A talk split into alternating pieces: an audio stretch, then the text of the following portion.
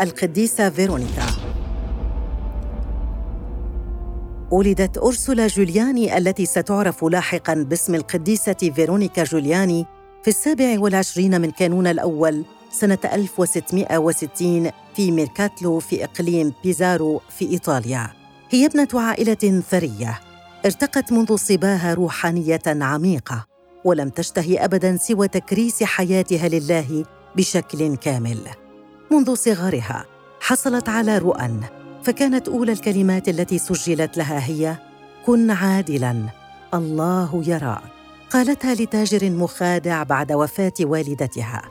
حاول والدها تزويجها مقدما لها عددا من الشباب الذين طلبوا خطبتها لكن الفتاة مرضت من فكرة عدم تكريس حياتها لله فحصلت أخيرا على بركة والدها لدعوتها للحياة الرهبانية.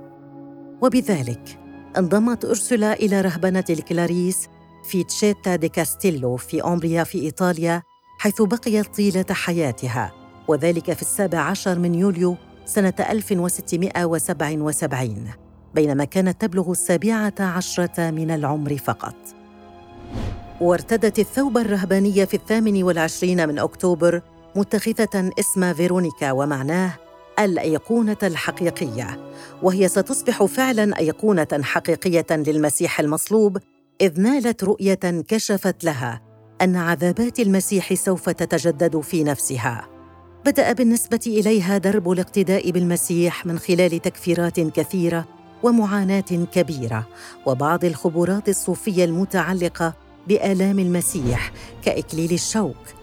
وفي نهار الجمعة العظيمة نالت السمات في يديها وقدميها وجنبها. خدمت كمعلمة منذ السابعة والعشرين من عمرها واختيرت رئيسة للدير عام 1716 بقيت في هذا المنصب حتى وفاتها.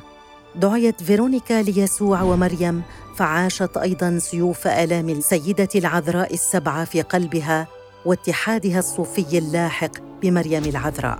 وبعد نزاع أليم جدا دام ثلاثة وثلاثين يوماً بلغ ذروته في فرح عميق لدرجة أن كلماتها الأخيرة كانت لقد وجدت المحبة والمحبة جعلت نفسها مرئية. هذا هو سبب معاناتي. أخبر الجميع بهذا. توفيت القديسة فيرونيكا في التاسع من يوليو عام 1727 فتحول البيت الذي ولدت فيه إلى دير بعد وفاتها. واعلنت طوباوية فقديسة. وقد عاشت القديسة فيرونيكا طيلة حياتها في منظور الصلاة والتألم والبحث عن الفقر المقدس كتخلية الذات وفقدانها. وفقدان الذات كي تكون فعلا كالمسيح الذي بذل كل ذاته.